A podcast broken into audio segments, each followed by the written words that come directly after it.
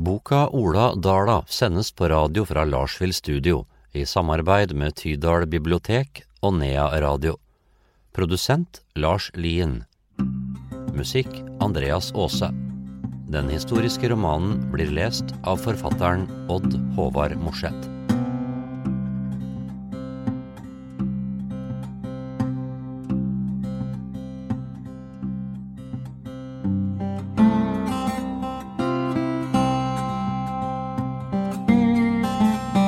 Kapittel 16 Februar 1824 Trondhjem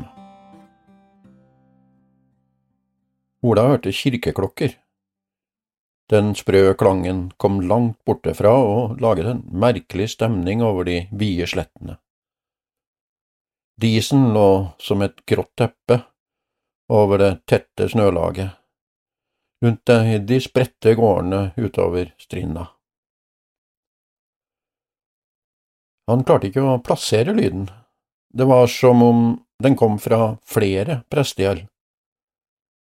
Kimingen svevde inn i disen og kom som et ekko fra fjorden. Han skulle ha gått i kirka.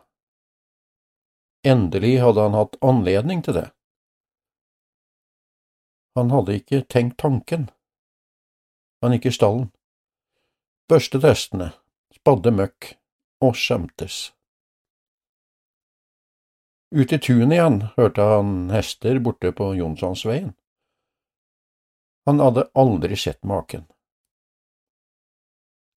En stor vogn, forspent med fire hester. De svingte av og innover mot tunet. Oppe på kuskebenken satt det to kjørekarer med to sett tømmer og svepe. Ekvipasjen var koblet til en innebygd karet med fire store vognhjul. Lakeien som sto på stigtrinnet bak, var kledd som kuskene, svart hatt og frakk. De fortsatte i samme fart, fram mot Granåsgården.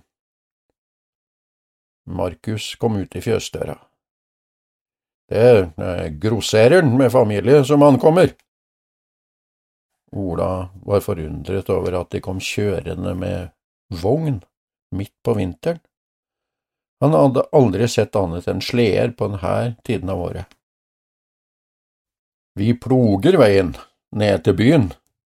Gårdene har hver sin rode nedover. Etter hvert kom staskledde folk kjørende i triller med kalesjer, karioler og flere vogner i tospann. Mange av hestene var pyntet med hodepynt. Duskene danset livlig i den grå og vindstille lufta. Tidlig mandag morgen tok Ola morgenstellet i stallen før han kledde seg for byturen.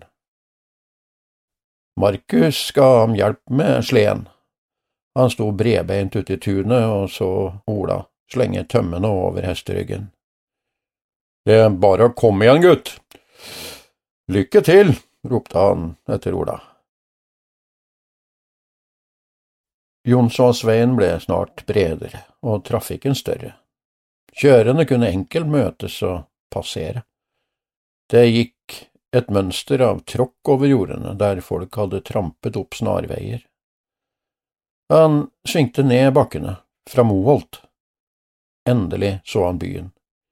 De høye veggene i domen avsluttet byen, oppe ved elvesvingen. Den store festningen bortenfor veien var som en vokter over byen.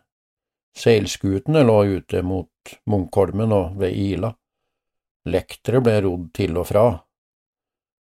Den grå disen lå fortsatt utover fjorden. Nedover mot Bakklandet hadde han godt utsyn mot den travle aktiviteten nede ved elva. Det var folk overalt. Det sto skjeletter av båter som var under bygging langs elvebredden. Andre lå til reparasjon ved kaiene. Skorsteinstrøk la seg over elva, fra teggelverk og smier. På den andre siden av elva lå jekter, lektere og færinger inne ved bryggestolpene. Bryggerekka hadde en lang plankegang langs elva. Det ble lastet og losset. Han kjørte over bybroen og framover langs de høye lagerhusene. Alle så ut til å være skiltet med grosserernes navn. Ola svingte inn i byen og nådde den brede gata ned fra Nidarosdomen. Han hadde aldri før følt seg så liten som der han satt i sleden, og kom ut i den brede gata. Ikke engang da Johanna Bergman Holst hadde plassert ham i et loftsrom på Røros, hadde han følt seg mindre enn nå. Han følte seg så simpel og fattig. Han kunne ikke stoppe opp, og svingte nedover Munkegata. Han fikk det enorme kirkebygget i ryggen der han kjørte nedover mot fjorden og Munkholmen. Seilskutene ble større, de tomme mastene svaiet lett. Det var ned dit, til grava han skulle, for å finne fram til Edal sin brygge. Lars hadde vært tydelig på det. Madammen hadde nylig blitt enke, og sønnen var Lars gammelonkel til. Han ville at Ola skulle prøve en handel med slekta først. Eh, men du må ikke godta alle bud du får på direkten. Kristine skal være ei stri dame i forretninger, hadde Lars formant. Et rødmalt hus hadde et svart skilt med gullbokstaver. Edals enke.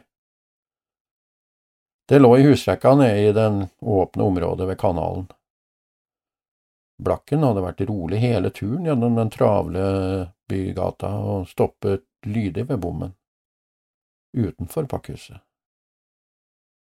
Han tok av hodelaget, festet testen til bommen og hengte en striepose med høy til grimma. Det var godt med hester langs bryggene ved kanalen, mange med flate firehjulsvogner. Det var ikke så mange sleder å se. Han var en bonde i byen. Det luktet stramt og ukjent fra kanalen.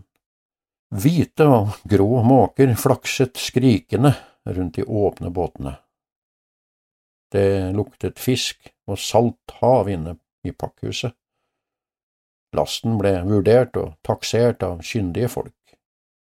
Alt ble notert ned og sortert i kolonner. Lars hadde sendt med to jervskinn. Det svarte, tykke hårlaget hadde ikke rimt på hele turen slik de andre pelsene hadde gjort. Til slutt talte de opp de stivfrosne rypene. Ola passet på at alt ble riktig ført i to protokoller, én for Lars Eriksen og én for Ole Stuedal. Varene ble satt til side inne ved veggen. Ola tok med seg notatene inn i handelshuset. Blakken fikk stå ved bommen. Det var tid for handel. Nå var det opp til ham å berge liv utover våren. Sulten sto allerede og banket på dørene i Stugedal. Han ble møtt av Kristine Lykke Dahl inne i lokalet. Det hadde gått tre år siden mannen Erik døde. Odelssønnen i Negarden hadde som ung mann reist til byen og startet som handelsbetjent. Etter hvert hadde han slått seg opp på høkkerthandel. Han hadde dødd samme høsten som mor, de var på samme alder. Det var nok helst Kristine som hadde fått orden på forretningene og insistert på å kjøpe egen forretningsgård og brygge i grava. Det var ikke enkelt å få handelsbevilgning innenfor bymurene. Først og fremst måtte en kunne vise til godt borgerskap. Borgerne i byen kunne ikke unngå Kristine og hennes bakgrunn. Med stramt og forretningsmessig smil inviterte hun inn på kontoret. Døren ble lukket bak dem. Så der er du, sa hun i en litt vennligere tone. Ola ble invitert opp trappene og inn i madam Dahl sine private gemakker til te. Kristine viste med hånden mot det gullfargede, myke setet i en biedermeierstol. Han var glad han hadde far sine søndagsklær på. En tjenestepike dekket hvit porselen på en tilsvarende duk i damask. Kristine satte seg rett ovenfor Ola og leste i listene fra pakkhuset. Dere er tidlig ute med leveransene. Det ser ut til at fangstene har vært gode i Stuedalen. Hun la fra seg listene og så granskende på Ola. Det har vært tunge tider for mange de siste årene.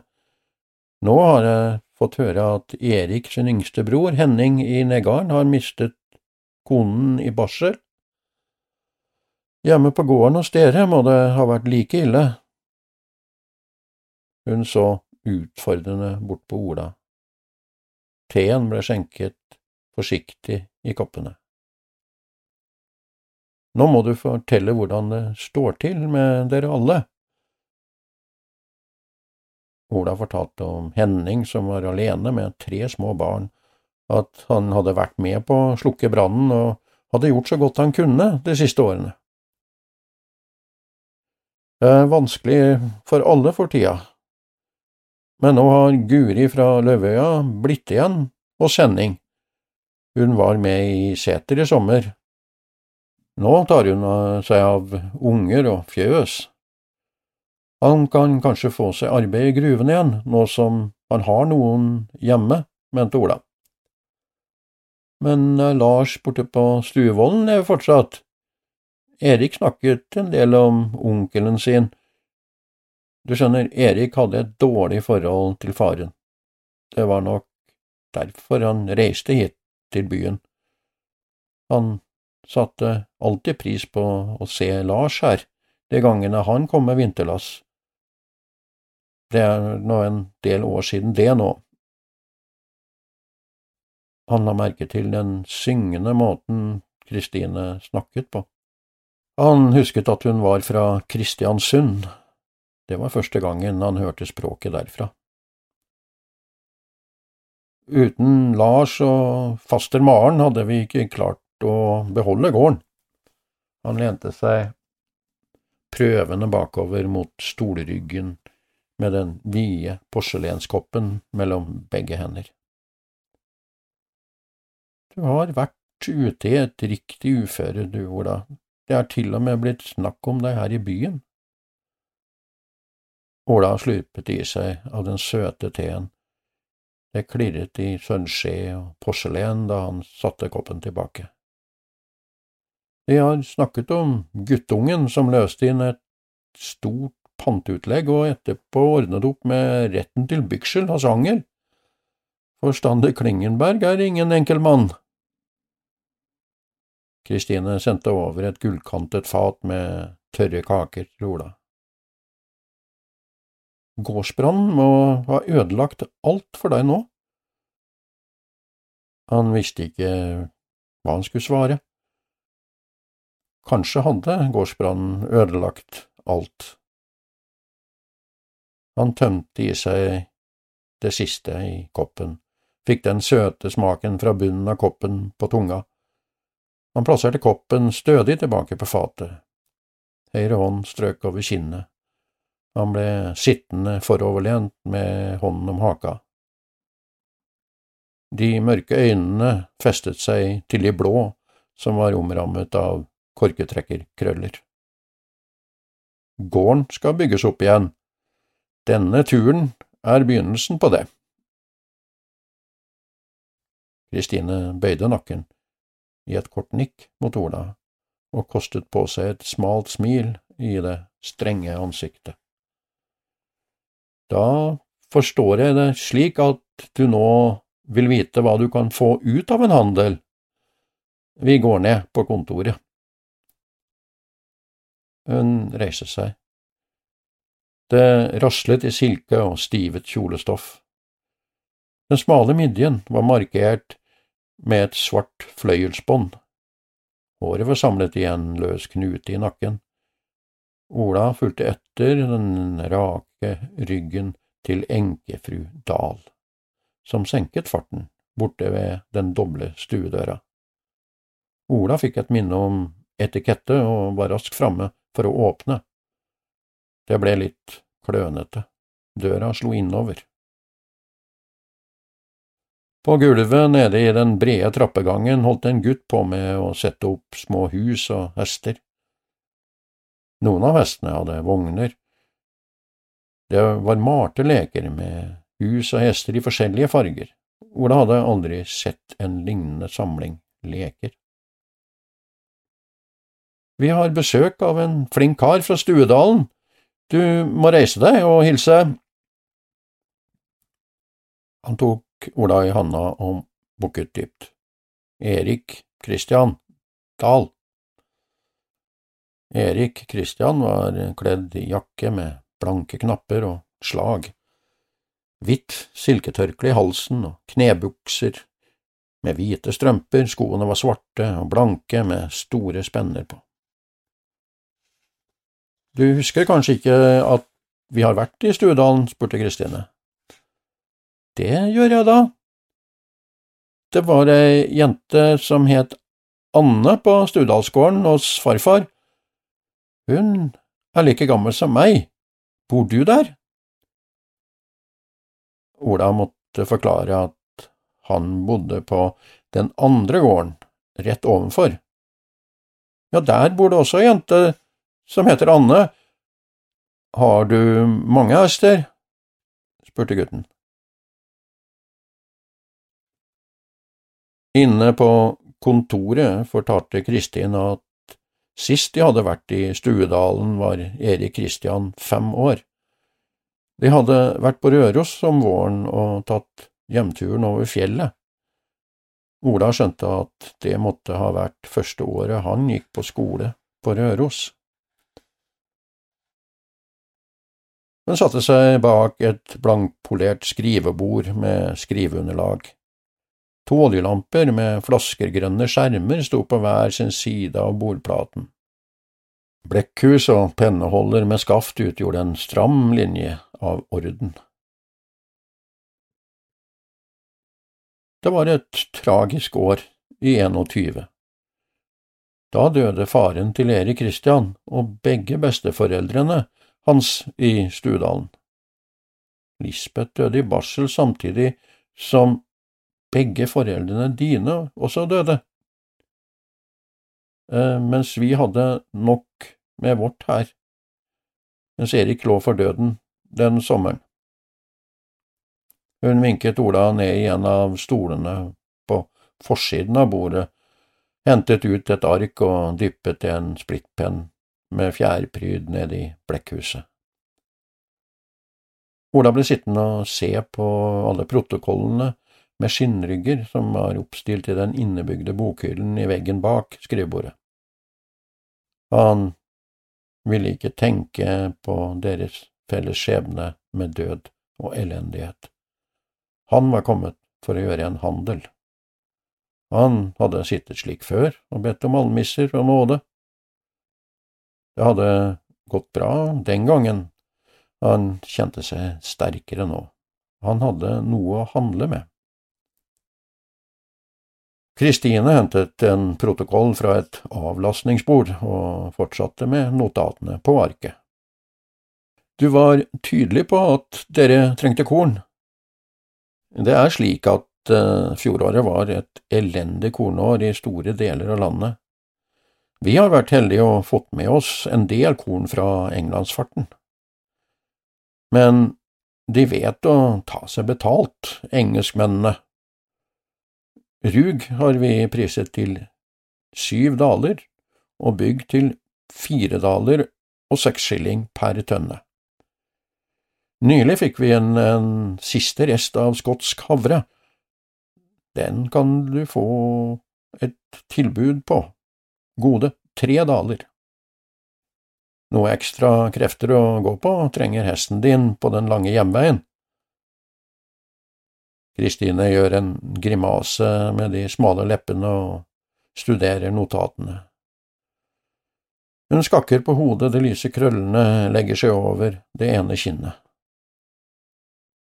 Jeg har lyst til å hjelpe deg slik at vi kan få til en god handel. Vi har sild, riktignok av ringe kvalitet, silda har begynt å komme inn lenger nord.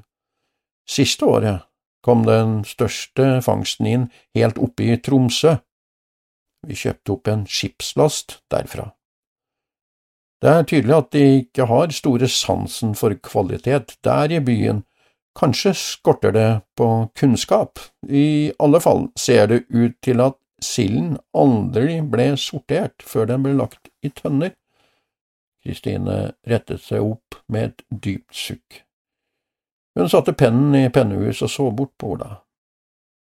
Som det seriøse handelshus vi er, kan vi ikke selge den videre til våre faste kunder. Da må den i så fall legges om. Lars hadde forberedt han på handelen. Du vet når handelen starter, og det åpnes for akkedering, hadde han sagt. Problemet var at han ikke hadde noe å akkedere med, enda.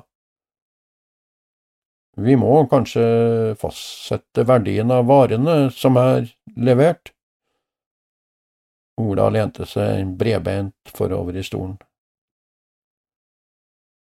Hun flyttet på nytt på papirene, la arkene ved siden av hverandre og så ut til siden, ut av vinduene. Ola fulgte blikket og så et smug. Han så folk i korte glimt mellom de brunfargede fløyelsgardinene. Folk passerte med stor travelhet. Det var som om ingen tok notis av hverandre. Blikket hans ble hengende ved det merkelige synet av halve mennesker som kom og forsvant. Hvor kom de fra?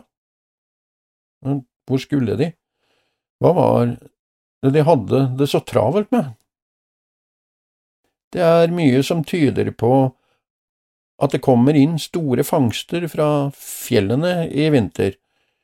Det gjør at vi må være forsiktige slik at vi ikke overpriser. En god del av rypene kan vi nok omsette på direkten til byens kjøkken. Jeg er mer usikker på skinnprisene, sa Kristin bestemt. Det her var noe Ola kunne være med på. Nå var de i gang med handelen. De kjøpslo skinn og ryper, og Kristine fylte ut kolonner etter hvert som prisene ble avtalt. Ola ba om å få se på summeringene. Hun sendte over arket med et lett anlagt smil, men forsto etter hvert at Ola var snar med tall og summering. De ble, etter litt akkedering, enige om en korrigert sluttsum for lasten han hadde levert. Han spurte deretter på prisen for ett pund engelsk byggmel, prisen for en sekk med salt og for valset havre. Etter litt hoderegning hadde Ola oversikt over hvor de sto i handelen. Ola hadde skrevet ned en handleliste fra Maren og Lars. Først nå la han den fram. Hvor langt kan vi komme med en ren byttehandel? Det er mange, både gamle og unge på Suggevollen, sa han og forsøkte å være voksen. Han sa ingenting om at han satt der med seks daler i en skinnpung som Lars hadde sendt med. Etter en stund så hun opp fra ordren. Du skal få det her, og en tønne sild på kjøpet. Det var gode jervskinn Lars hadde sendt med. Med et fort smil la hun listen sammen med notatene på bordet. Ola kjente på lettelsen. Det her gikk bedre enn han hadde trodd. Han hadde gjort en god handel for folkene på Stuggevollen. De kom til å berge liv gjennom vinteren. Han kjente glede og stolthet. i det å kunne gi noe tilbake til Maren og Lars. Jeg vil at du skal ta med en tønne sild til Henning i Neggarden. Han kan gjøre med den som han vil, jeg er redd det er smått stell der i gården. Hun hentet et nytt ark fra skuffen. Han forsto at det her var en formaning, som et resultat av at hun hadde vist velvilje. Han svarte at det skulle han gjøre. Med glede, la han til og bukket lett. Han husket hvor viktig det var å være ærbødig i møte med borgerskapet. Det kunne komme godt med. De var framme ved handelen med Ola sine varer. Har du noen ordre vi kan se på? Ola hadde ikke det. Han forklarte hva han hadde tenkt å kjøpe av byggmel, havre, salt, malt, sirup og tobakk, om prisene var gode nok. Hun Så vil jeg ha en samlet pris på fem tønner sild. Av ringe kvalitet, la han til. Det var ingen reaksjoner å se før hun rettet seg opp fra notatene, denne gangen med en granskende mine. Hun lente seg fram og satte en knyttet venstrehånd opp under den spisse haken. Fjærpennen snurret fram og tilbake mellom tommel og pekefinger. Det smale smilet satt skeivt. Det høres ut som om du ser etter en mulighet for videre handel. Det her er noe Erik ville ha likt. Han snakket ofte om mulighetene som fulgte med transportene til byen og varehandel på returen. Det er ofte slik at bønder som kommer hit, bare handler etter eget behov, uten tanke for naboens behov. Kristine senket den snurrende pennen forsiktig ned i penneholderen. Tilbakelent satte hun de blå øynene i Ola. De forsto hverandre. Dette var kanskje begynnelsen på en handel som skulle bli til noe mer. Det gikk greit å gjøre de avsluttende avtalene, Kristine signerte ordrene og rakte sedlene til Ola. De tok avskjed ute i kramboden. Erik Kristian sto høytidelig ved siden av moren og bukket dypt. Jeg skulle sende med hilsninger til dere fra farbror Lars. Han ville gjerne se dere igjen en dag, sa Ola med avskjedshilsningen. Han leverte sedlene i pakkhuset og gikk ut i byen. På vei gjennom veiter og gater plukket han med seg nybakt brød, en spekepølse og en ostebit. Alt hadde gått så fint. Han hadde mestret handelen. Han hadde kommet anspett og bortkommet. Først nå tok han inn bylivet. Nå så han livet i gatene, festet seg ved ansiktene til folk. Like fort som trekkpapiret til Kristine hadde sugd blekk, fanget han inn små hus og høye fasader, om hverandre hesteskyss og handlekjerrer og farger, lukt og støyende lyd, alt ukjent og fremmed. Det var en slags orden gjennom byen. De lange, rette gatene dannet en mønster det var lett å følge. Gatene krysset hverandre i geometrisk eh, rette vinkler. Han gikk opp Nordregata og krysset over mot Vår Frue kirkegods. Den grå, nakne veggen virket avvisende bak de nakne lønnetrærne. Steinkirken sto åpen. Ola trengte noe å holde fast ved, men kirken var blitt fremmed de siste årene. Han gikk likevel inn. Det satt noen folk spredt i kirkebenkene. Her inne i den gamle middelalderkirken, som en gang het Mariakirken, stengte de tykke steinveggene alt ute. Byen var ikke lenger til.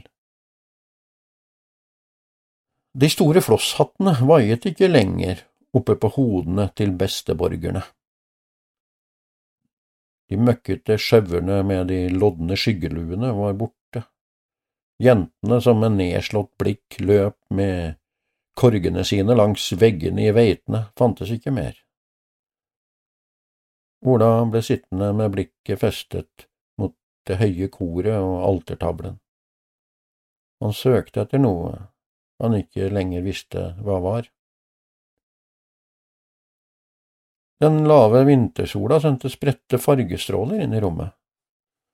Det danset lysende støvkorn ut av dype vindusnisjer, lyset ble sterkt inne i det mørke rommet. Han fikk tårer i øynene. Det var noe med det spartanske, kalde rommet som ga ro. Nakne lysstråler søkte seg gjennom tårer, tårer han ikke kunne holde tilbake. Han ble blendet av et lys som var sterkere enn sola på nakne, snødekte vidder. Kirkerommet krympet rundt ham. Han var alene, ensom og forlatt foran det store alteret. Det ville komme dager da han måtte stå til rette, møte Gud og svare for sine synder, ta imot straffen. En kvinne med gyllent hår kom til syne i skyggene bak lysbildet.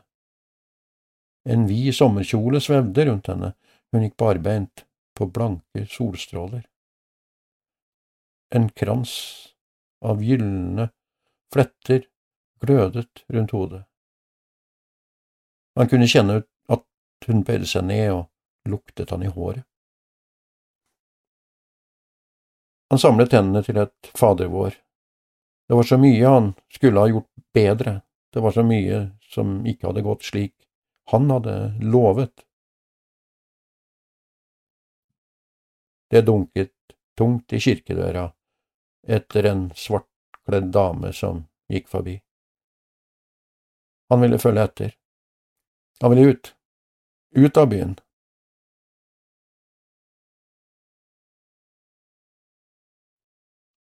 Skottgården, fredag 18. april 1862 De var samlet ved matbordet. Alle hadde god tid.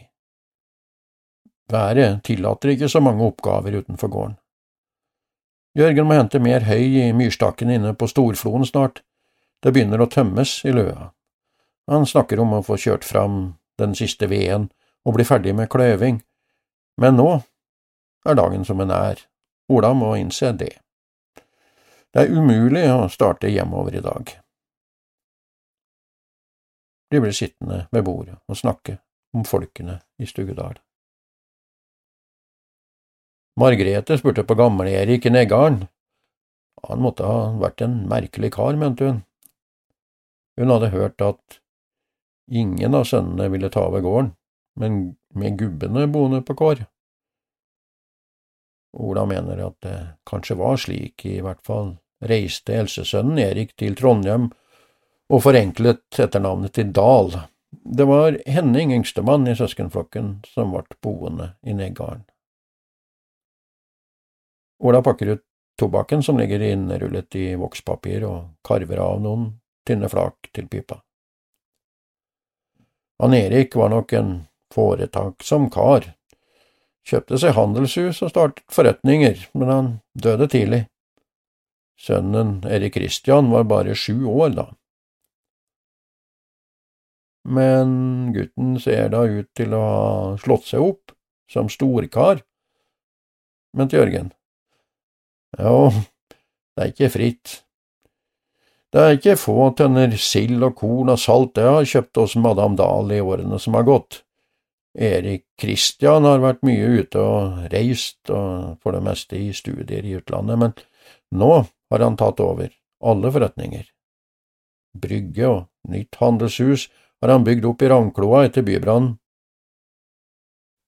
Ola skyver litt karvet tobakk over til Anne.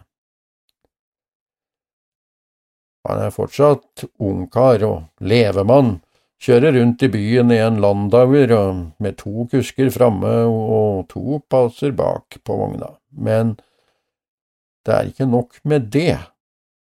Han har en pasje som alltid følger med, inn i vogna, overalt ellers hvor han går.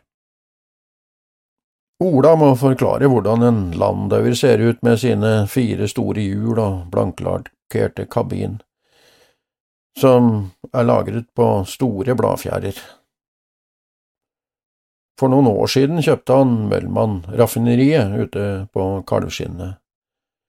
Det ble slutt på sukkerprivilegiene Møllmann hadde med kongen. Er det slutt på leveransen av Møllmann-sukker? spør Ane, forundret. Ja, det er slutt på sirupen også, sier Ola. Erik Kristian har startet bryggeri i Sukkerhuset. Han selger øl på flasker. E.C. Dahls Bayerøl står det på flotte etiketter. Det er rene industrien i murhusene der nå, med mange ansatte. Margrethe skjenker rundt siste skvetten med kaffe. Ane heiser seg på plass i gyngestolen. Du verden, har du smakt ølet? Du har kanskje fortsatt turer til byen, spør hun gjennom piperøyken. Jo da, øl er riktig så godt det, det skummer når du åpner flaskekorken, men det koster. Du får til og med kjøpt det på lekbua, men billigere å brygge sjøl. Så, du har ikke gitt deg med ølbrygginga, det gikk da riktig så ille da du holdt på i yngre dager, sier Ane utfordrende. Det her emnet er ikke noe Ola vil gå videre med.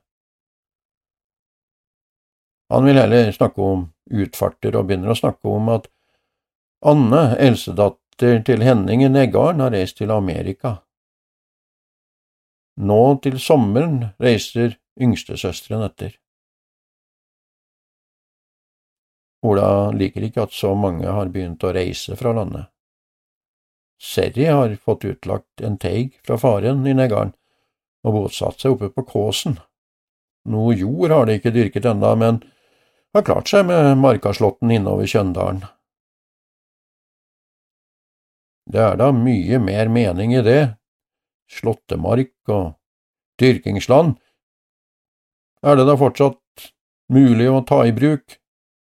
Men Jørgen. Margrethe har tatt Ingrid opp på fanget og samler de viltre, svarte krøllene hennes inni handa. Det har reist folk fra bygda her òg. Det er så trist å se når de tar med seg små unger på reise til ei framtid ingen aner noen ting om.